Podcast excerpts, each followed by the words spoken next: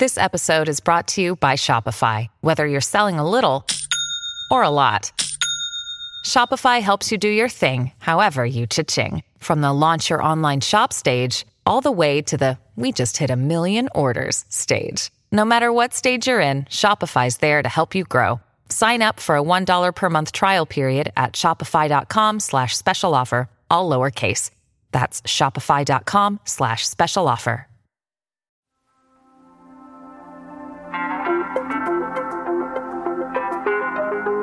Medyapod'dan herkese merhaba. Ben Nida Dinçtürk. Anlatsam Roman Olur'un yeni bölümündesiniz. Açıkçası kaçıncı bölümündesiniz bilmiyorum ama konuğun Murat Sevinç olduğu bölümdesiniz. Bu bir podcast dahadır. Mediapod. İletişim için mediapod.com ya da @mediapod.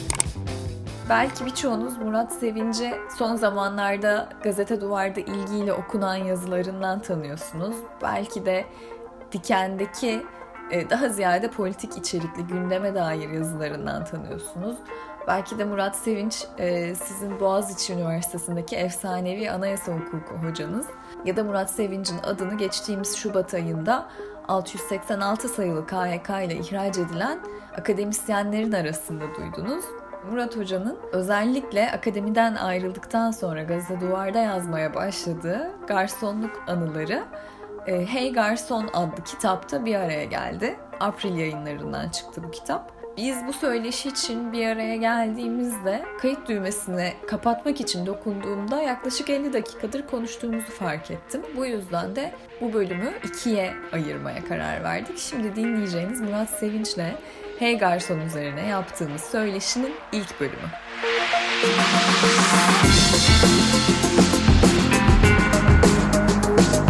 Hoş geldiniz Murat Hocam. Hoş bulduk. Şöyle başlayalım.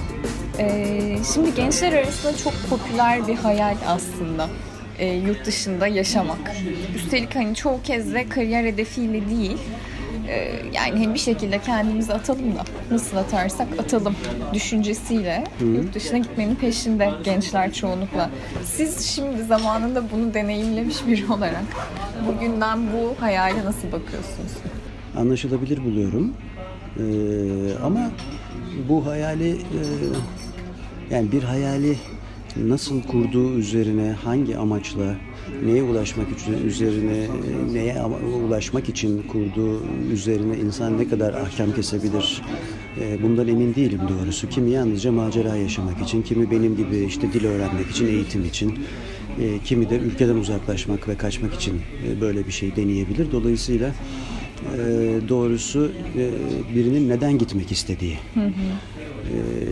önemli benim için herhalde gitmek isteyen için de e, şu anda e, gitmek isteyen 20'li e, yaşlarda ya da işte 20'li yaşlara yakın 20'li yaşların başındaki insanların asıl hedefi buna bir hedef demek ne kadar doğru emin değilim ama Türkiye'den memnun olmadıkları için gitmek istiyorlar gibi geliyor bana. Çünkü uzunca bir süredir karşılaştığım öğrenciler, eski öğrencilerim ya da sağda solda karşılaştığım bu yaş grubundaki insanlar e, yurt dışına gitmek, e, orada okumak değil, orada yerleşmek ve yaşamak istediklerini söylüyorlar.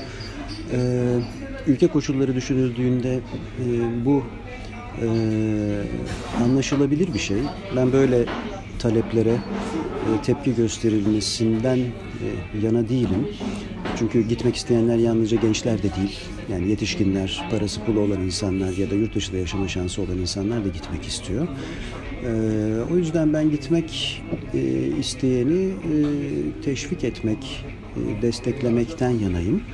Kalmak isteyeni de teşvik etmek ve desteklemekten yanayım. Çünkü bu bir tercih nihayetinde.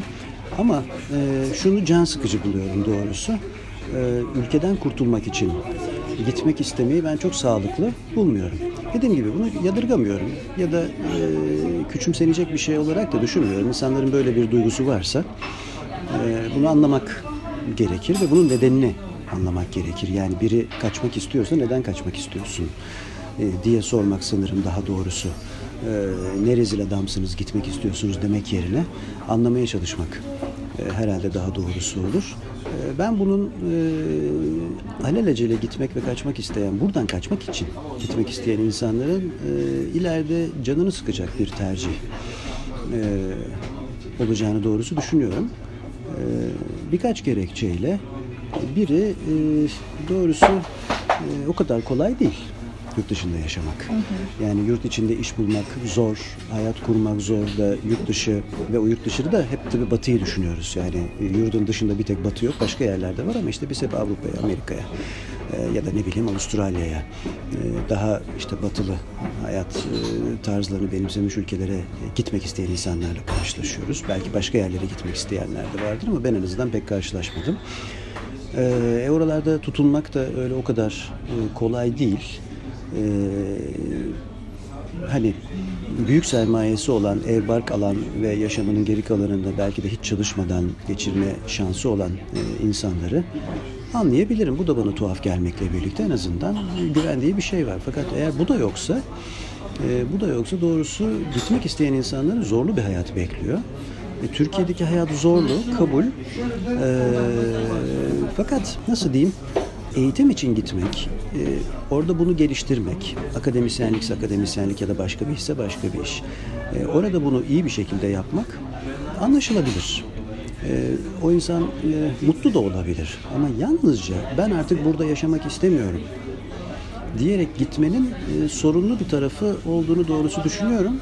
E, üzülebilir bu arkadaşlarımızın. Canı daha çok sıkılabilir e, hayal ettikleri şeyle karşılaşmayabilirler.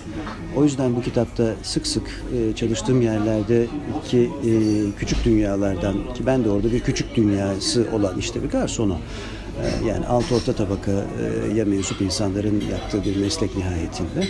Orada karşılaştığınız insanlar da böyle insanlar zaten. Ee, tabii Türkiye'den farklı olarak daha eşitlikçi ilişkiler kurabiliyorlar ee, Batı ülkelerinde bu insanlar ve daha eşit yurttaş e, şeyinde standartında yaşayabiliyorlar. E, Türkiye'de biraz daha zor herhalde garsonların hayatı ya da bu tip işler yapan insanların hayatı. E, e, evet seçilebilir e, böyle bir hayat ama e, insan kendi ülkesinde, kendi toprağında, kendi kültüründe kendisine biraz daha fazla şans tanımalı diye düşünüyorum. Hani yani bir şey söylenir. E, ben çok uzatmayacağım. Siz sizin ikinci soruyu sormanıza izin vermeyecekmişim gibi bir, Yok, şey, hayır, bir hava olduğunu farkındayım ama o kadar uzatmadan bağlamaya çalışıyorum. Ee, dediğim gibi teşvik etmeli, gitmek isteyeni, destek olmalı. Ee, ama bir kızgınlıkla e, gitmeyi gitmek isteyen insanları da biraz daha dur düşün e, istersen e, da demeli. E, bence bu daha dengeli e, dengeli bir şey olur, e, bir yaklaşım olur. E, dil için söylenen bir şey vardır yani kendi dilini iyi bilmeyen insanlar yabancı dili de iyi öğrenemezler. Hmm. Birisinin iyi bir yabancı dil öğrenebilmesi için bir Türkiye Cumhuriyeti vatandaşının kendi dilini iyi bilmesi, iyi konuşabilmesi ve yazabilmesi gerekir. E, aynı şeyi e, yaşama da e, uyarlayabiliriz. E, bu memlekette e, çok mutsuz olan ve bir türlü bir yaşam kuramayan birinin bir başka ülkede e, çok mutlu olacağı bir yaşam e, kurabileceğini de doğrusu e, düşünmek için fazla bir şeyimiz yok, gerekçemiz yok. Özetle burada kalmak isteyenler enayi değil, gitmek isteyen insanlar da hain filan değil. Ama biraz daha sabretmekte, özellikle genç insanlar için hayatı biraz daha anlamaya çalışmakta, ülkeyi biraz daha anlamaya çalışmakta e, fayda var. E, hayal ettikleri şeyle karşılaşmayabilirler. E, şimdilik bunun için bu kadar söyleyeyim isterseniz. Siz Peki. ikinci soruyu sorabilirim. Yoksa ben 20 dakika konuşurum. Medyapod'un podcastlerine Spotify, Google Podcast, iTunes ve Spreaker üzerinden ulaşabilirsiniz. Medyapod'u desteklemek için patreon.com slash medyapod. Aslında şeyden devam edelim. Bu aralar devlet nezdinde de beyin göçü çok tartışılan bir konuya dönüştü. İşte İlber Ortaylı hatta bu hafta geçtiğimiz hafta pardon Hı-hı. bir açıklama yaptı. Yani buralarda lisans alıp gidiyorlar Amerika'da garsonluk yapıyorlar. Kendinize bunu yapmayın dediler aslında. E, bu bahsettiğimiz, üzerine konuştuğumuz gitmek meselesi birazcık artık burada devlet tarafını da endişelendirmiş vaziyette. Öyle görünüyor. Ee, evet. Yani endişelenmeliler zaten. Endişelenmeliler ama e, salt endişelenmenin bir yararı yok. Bir yararı yok. Yani bu e, çocuğuyla düzgün iletişim kuramayan bir ailenin çocuğu aileden ayrılmak istediğinde e, ona tepki göstermesi ama kendinde de hiçbir değişiklik yapmak istememesi durumuyla belki karşılaştırılabilir. Ee, çoluk çocuk okumuş insanlar, bilim insanlar bu ülkeden gitmek istiyorsa ki bunu yaşayan ilk ülke biz değiliz. Tarih içinde e, buna maruz kalan başka, bunu yaşayan e, başka ülkelerde oldu. Gitmek istiyorsa bu insanlar bunun nedenleri var. E, bu dönemde eğer çok fazla insan gitmek istiyorsa bunun elbette siyasi nedenleri de var. E, e demek ki burada bunalıyorlar. Burada kendileri için bir gelecek göremiyorlar. Örneğin e, bizler ihraç edildikten sonra e, e-posta yazan, e, yurt dışındayken e-posta yazan birkaç öğrencim, e, bunlar Boğaziçi öğrencisiydi. Çok e, iyi niyetle ve samimiyetle şunu sordular. E, siz bize her derste e, ülkenizde kalın, gidin yurt dışında master yapın, doktor yapın, gezin, görün, dünyayı tanıyın. Bu çok önemli ama eninde sonunda dönün ve kendi ülkenize hizmet edin diyordunuz. Hala aynı şeyi ne düşünüyorsunuz? Diye sordu. E bu çocuğa bunu sorduran şey e, hocalarının atılmış olması. E, şu anda Türkiye'de e, mezuniyet durumuna gelen e, iyi kötü işte kafası çalışan, dil bilen ve akademi isteyen, sadece akademi isteyenlerden söz edelim. E, akademi isteyen bir e, gencin e, gence umut verecek ne var? Nasıl bir akademi var? Nasıl bir üniversite var? Nasıl bir ülke var? E buna bakarsanız bu insanların niye gitmek istediğini ve bu işi neden yurt dışında yapmak istediğini e, de doğrusu anlarsınız. Ama bunu siz anlarsınız. E, Türkiye yönetenler bunu anlamamakta e, ısrarcı. Şimdi çok matrak bir yöntem bulmuşlar anladığım kadarıyla. Geçen gün bir bakan bunu söyledi. Ee, okudum yani tam olarak içeriğini bilmiyorum ama işte bir iki satır okudum gazetelerde. 24 bin lira e, ücret e, verilecekmiş. Yurt dışındaki e, beyin göçünü işte yurt dışındaki insanları tekrar Türkiye'ye e, okumuş insanları, mühendisi, doktor, şunu bunu Türkiye'ye getirmek için bu sorunu hiç anlamadıklarını e, gösteren bir şey. E, onlar bunu anlamadığı sürece elbette sorun da çözülmeyecektir. Bir hastalığı teşhis edemezseniz tedavi uygulayamazsınız kemoterapi ve radyoterapi e, alması gereken e, bir kanser hastasına inatla e, aspirin ve şerbet içirmeye çalışırsanız ölümün hızlandırmış olursunuz. Dolayısıyla önce anlamak gerekir. Ama ben hali hazırdaki yöneticilerin bunu anlama niyeti ve doğrusu anlama kapasitesi de olduğundan emin değilim. Bu kapasite bir şeyle ilgili değil. Hmm, işte akılla, fikirle bilmem neyle filan ilgili bir şey değil e, anlama kapasitesi dediğiniz şey eninde sonunda sizin e, algınızla ve o algıyı nereye yönelttiğinizle, anlama isteğinizi nereye yönelttiğinizle ilgili bir şeydir.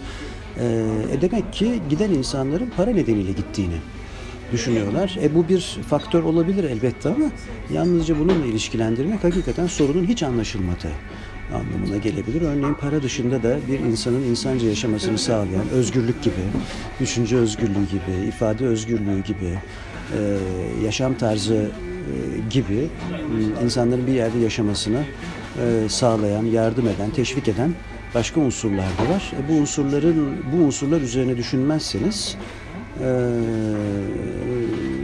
doğrusu işte 24 bin lira verildiğinde insanların geri döneceğini da varsayabilirsiniz. Belki birkaç kişi geride döner. Kabul.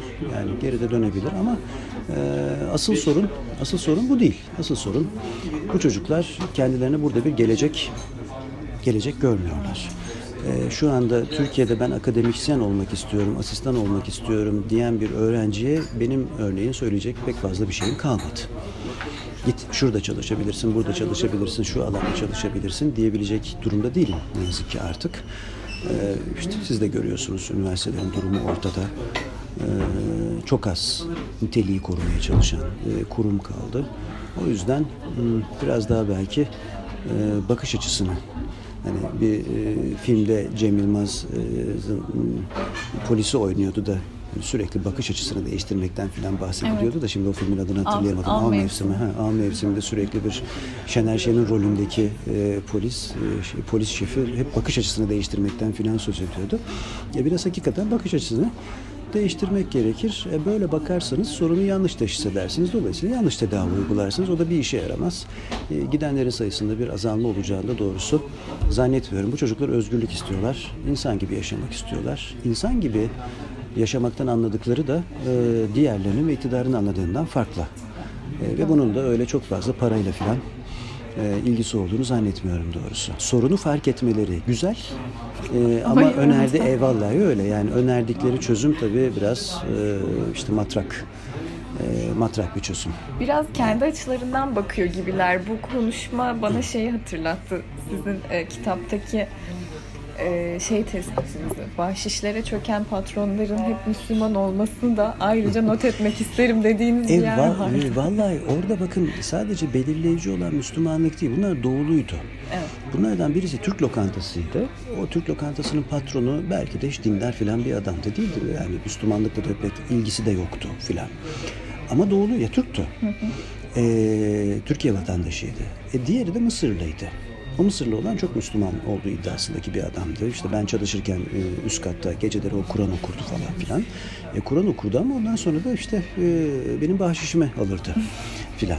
E, şimdi bu iki e, bahşişi vermeyen lokantanın ikisinin de doğudan olması hakikaten e, önemli bir gösterge.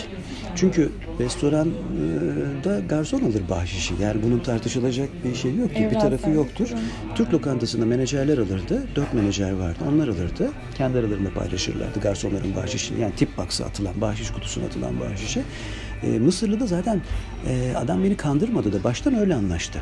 Dedi ki burada sana verilen bahşişler benim. E, benim de işe ihtiyacım vardı. Zaten pazarlık gücüm yoktu. Dolayısıyla peki dedim. E, ve ondan sonra orada çalıştım 5-5,5 ay boyunca bana verilen bütün bahşişler e, götürüp bir kutuya attım ve o kutudan o adam aldı bahşiş. E, bunların ikisi de e, doğrusu doğuluydu. E, sorduklarında da herhalde kendilerini işte bir e, dindar olarak filan e, tanımlayacak insanlardı. Oysa e, diğer e, kültürlerden olanlar yapılması gerekenleri e, yapıp bahşişleri alması gereken insanlara veriyor. Yani bu adamların aklına bile gelmemişti. Yani patronun ya da menajerin e, bahşişe konması diyeyim akıllarına bile gelmemişti ama iki doğulu e, arkadaşımız ne yazık ki bu yöntemi bu yöntemi uyguluyorlardı. Yani e, dolayısıyla bu gitme tartışması ve beyin göçü filan bütün bunlar aslında da göz önünde herhalde bulundurularak ancak ele alınabilir. Yani burada bir problem var. Burada bir problem var. Yani ben, siz, herhalde pek çok aklı başında insan karşılaştığı insanın diniyle, etnik grubuyla, cinsiyetiyle ilgilenmiyoruz. Nasıl biri olduğuyla ilgileniyoruz. Size nasıl davrandığıyla ilgileniyoruz. Ee, diğer nitelikleri benim için ikinci planda. O adam düzgün mü, dürüst mü diye bakarsınız. Nasıl iletişim kuruyor diye bakarsınız. O herhangi bir mezhebe ya da herhangi bir etnisiteye ait olabilir. İşin o tarafı beni ilgilendirmiyor ama nasıl bir komşu, nasıl bir patron, nasıl bir arkadaş, nasıl bir iş arkadaşı e, diye bakarsınız. Yani beni ilgilendiren odur. E, herkesi de ilgilendiren bu. Dolayısıyla biraz daha e, böyle düşünen insanlar İngiltere'de yaşamak, Fransa'da yaşamak, Bulgaristan'da yaşamak ya da Suriye'de, Irak'ta, İran'da yaşamak bu insanlar için çok büyük dert değil. Çünkü e, nasıl bir ortamda, nasıl bir dünyada ve nasıl insanlarla yaşadıklarına bakıyorlar. Yani yanındaki insanın mezhebine bakmıyor ya da işte bilmem cinsel yönelimine bakmıyor. Ee, öyle öyle bakmak lazım herhalde. Bu daha mutlu olur diye düşünüyorum ben de insan böyle bakarsa. Ben daha önce bunu bir yazıda örnek vermiştim. Ee, şimdi e, çok uzun yıllar önce başka bir gerekçeyle gittiğim Norveç'te, Oslo'da e, gittiğimin birinci haftasında bir balıkçıya girdim. O balıkçı daki balıkların adını bilmiyordum. Dolayısıyla e, bir balığın üzerindeki fiyata bakıp diyelim ki 10 kron, ondan 1 kilo istedim. Adam paketledi, 10 kronu çıkardım. Adam yaz bu balık 15 kron dedi. Çünkü ben e, yanlış bir balık istemişim. Hata benim. Çünkü ben isimlerini bilmiyorum. O alfabede o balığın e, şeyini bilmiyorum. E, peki dedim doğal olarak bir 5 kron daha çıkardım. Adam almadı. E, hata benim diyorum. Adama 5 kron vermeye çalışıyorum. Bakın bu adam bir balıkçı. Dükkanı var orada balıkçılık yapan ve bu balık satan bir adam. E, ben inatla e, adama 5 kron daha vermek istedim. O da inatla o parayı benden almadı ve gerekçesini de şöyle açıkladı. Sen onun 10 kron olduğunu düşünerek bu balığı istedin. Dolayısıyla önemli değil. Madem 10 kron olduğunu düşünerek bunu istedim ben de senden 10 kron alacağım dedi. Anlatabiliyor muyum? Şimdi o ülkedeki din evangelik Luteryen. E şimdi birileri bakıp da bu adam cehenneme gidecek ee, ama bilmem kaç tane ihaleyi e, götürmüş e, bir değerli müteahhidimiz e, cennet, sırf e, başka bir dinden olduğu için cennete gidecek filan dediğinde tabii bana çok ilginç geliyor. Evet. Yani e, ya da şöyle söyleyeyim ben e, o e, evangelik her nereye gidiyorsa örneğin oraya gitmeyi bizi götürebilir. e, yani e, onu tercih ederim çünkü adam dürüst. Dürüst yani ben e, de e, normal insanlarda, sağlıklı insanlarda e, karşıdaki insanın diniyle, imanıyla, mezhebiyle, e, politik tercihleriyle değil daha çok işte nasıl bir insan olduğuyla, onun dürüst olup olmamasıyla, güvenilir olup olmamasıyla e, ilgilenir. E, e, ben bu Norveçli'nin bana yaptığını hiç unutmadım. Hiç unutmadım. E, o adamın hangi dinden olduğuyla da hiç ilgilenmiyorum. Evangelik diyorum ama belki de dinsiz de bilmiyorum. Belki de ateist de. Yani adamı da sormadım hangi dindensin diye. Ama ülkedeki din bu. Yani evangelik bu adamlar. E, dolayısıyla onunla ilgilenmiyorum. Nasıl bir adam olduğuyla ilgileniyorum herhalde yurt dışına gidip oranın biraz düzenini gören, iyi kötü kuralların işlediğini gören, biraz insanların nezaketini gören, işte arabaların korna çalmadığını, işlerin biraz düzgün işlediğini, e, insana da insan muamelesi yapıldığını gören e, herkes, genci, yaşlısı, eh burada yaşamak herhalde daha güzel olur diye bir süre sonra düşünmeye başlıyor. Bunu da anlamak lazım ve bu ve bunun karşılığı 24 bin lira değil. Evet. bunun karşılığı 24 bin lira değil. 24 bin liradan söz edenler de bir gün bunu anlarsa e, ki ben e, onlara oy veren insanların ve onlara oy veren e, gençlerin de bu kuşağının, genç kuşağının bir sonraki kuşağının hayata ve dünyaya bambaşka bakacağını doğrusu e, tahmin ediyorum. E, yani e, dolayısıyla böyle yanılgılara düşmezseniz insanları ülkenizde tutabilirsiniz. Yoksa tutamazsınız. Yani hiç kimse e, özgürlüğünü 24 bin liraya satmaz. Yani aklı başında insanlar. Derdi buysa, derdi özgürlükse. Ha derdi özgürlük değilse ve 24 bin liraysa o zaman gelir tabii. Fena para değil yani. Değil mi? Hiçbirimiz böyle bir para Ben de hayatım boyunca kazanmadım. Yani e, milletvekili maaşı yani az buz para değil tabii. Evet evet neredeyse Bunu tercih edenler olabilir. Bu bir podcast dahadır. Mediapod. İletişim için mediapod.com ya da @mediapod. Siz aslında e, bu bir buçuk yıllık garsonluk tecrübenizde yaklaşık yaklaşık yani bir, bir, iki, e, şimdi tam e, kaç işte 16 10, 17 ay kadar filandı işte herhalde toplam yani yaklaşık bir buçuk yıl. E, coğrafyalar nezdinde çok güzel insan tahlilleri yapıyorsunuz doğal olarak. Zaten garsonluk bu gözlemi yapabilmek için çok iyi bir meslek herhalde Tabii değil tabii. mi? Hayatım boyunca karşılaşmadığım kadar insanla karşılaştım çünkü. Yani hem lokantalarda hem de müşteri. Mesela mutfakta çalışanların böyle bir şansı yoktur lokantalarda. Doğru. Onlar hep birbirlerini görürler. Ee, ama garsonluk zaten dil öğrenmek için yapılabilecek en iyi e, şeylerden biri. Çok yani bir süre sonra hep aynı şeyleri konuşmaya başlıyorsunuz tamam ama o kadar çok insanla karşılaşıyorsunuz ki hem dediğim gibi çalışan hem de müşteri e, olarak çok e, şey insan çeşitliliği ve farklı milletlerden insanlar. Bir de Londra gibi kozmopolit yani İstanbul'da kozmopolit ama tabii Lo- Londra'da çok daha kozmopolit yer. E, farklı kültürlerden çok insan var. Ya benim orada yazmadığım şimdi kağıt pahalı diye ben kısa kestim. E, kitap ince olsun diye kısa kestim ama ya bunun kadar bunun iki katı daha anlatacak şey vardı ama işte o zaman uzayacaktı E, dediğim gibi kağıt pahalı. E, Abdül'i de batırmayalım ya, durduk biri de batırmak istemiyorum. Ee, bir de insanlar da yani hani bir sigara parasına kitap alabilsin filan e, diye de yani hani bu kitap 200 sayfa bir kitap da olabilirdi filan. Yani işte Hintlisi, İngiliz lokanta onların hiçbirini anlatmadım yani İngiliz lokantaları bilmem ne e, işte e, Hintliler, şeyler, İtalyanlar yani ben onların bir kısmını anlattım. Bir de çalıştığımız her lokantada mutfaklarda, mutfakta ve garsonlukta da farklı farklı kültürlerden çok insan var. Yani bir garson arkadaşınız İtalyan, öbürü bilmem işte Portekizli filan onları da tanıma şansınız oluyor. Hakikaten insanı çok zenginleştiren e, bir şey. E, bizim millet biraz yeryüzünde eşi benzeri olmadığını düşünür. Ya belki belli açılardan da bu doğrudur. Biraz eşsiz özellikleri de var hakikaten insanımızın ama e, tek değiliz. Yani dünya üzerinde işte Düşünsenize yani 6 milyarın üzerinde insan var. Biz hepi topu 70-80 milyonluk insanız ve 70-80 milyonun da yalnızca bir kısmını tanıyan insanlarız. Yani Türkiye'nin her bölgesinde de her kültürden, farklı dinden, mezhepten filan insanlar var. Ee, ne bileyim onları da yani ben ne benim benim Süryani arkadaşım olmadı yani herhalde olsa dünyaya başka türlü bakardım. Çok az Ermeni arkadaşım var e, filan ya da ne bileyim işte e, Alevi dünyasında büyüyen bir insanla Sünni dünyada büyüyen bir insanın da dünyaya bakışı ve ülkeye bakışı farklı ama hadi hepsini toplasanız 80 milyon. E işte düşünsenize dünya nüfusunun ne kadarı. O yüzden ben bu yurt dışına gitmek isteyen arkadaşlara şunu da hatırlatıyorum hep. Ee, yani çok özendiğimiz e, batı dediğimiz 300-400 milyon insandan oluşuyor. Hadi bir işte 500 milyon diyelim. Ee, yani bu dünyanın da e, nüfusun, dünya nüfusunun işte bir 3 milyarı falan da e, korkunç yoksulluklar içinde yani e, yaşıyor. Yani bir günde bir dolar geliri olan, bir doların az altında geliri olan şu anda dünyada çok sayıda milyarlarca insan var. E, dolayısıyla biz en kötü durumda e, değiliz. Yani onu da kabul etmek lazım. Ben şimdi sizinle bu söyleşi için e, Kadıköy'de bir kafede buluştum. İşte çayımızı içerek söyleşiyoruz. Şimdi bu çayı içemeyen birkaç milyar insan var. Yani hatta su bulamayan yüz milyonlarca insan var. O yüzden biraz e, biraz bizden daha vahim durumda olan başka milyarları da belki görmek e, ve biraz daha tarihsellik içinde olana bitene e, de bakmak iyi olur tabii.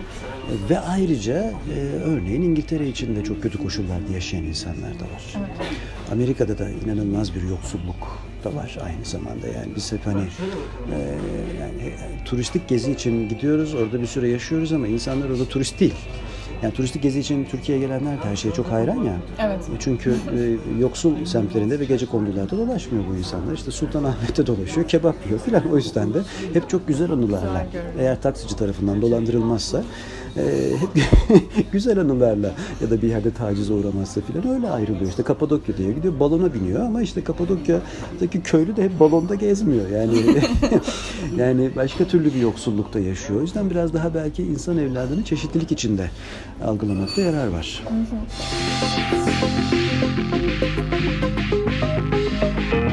Evet, Murat Sevinç'le Hey Garson üzerine konuştuk. Daha doğrusu sohbetimiz henüz bitmedi. Anlatsam Roman Olur'un bir sonraki bölümünde demiyorum şimdilik. Anlatsam Roman Olur'un bu bölümünün bir sonraki kısmında görüşene dek hoşçakalın. Medyapod'un podcastlerine Spotify, Google Podcast, iTunes ve Spreaker üzerinden ulaşabilirsiniz. Medyapod'u desteklemek için patreon.com slash medyapod.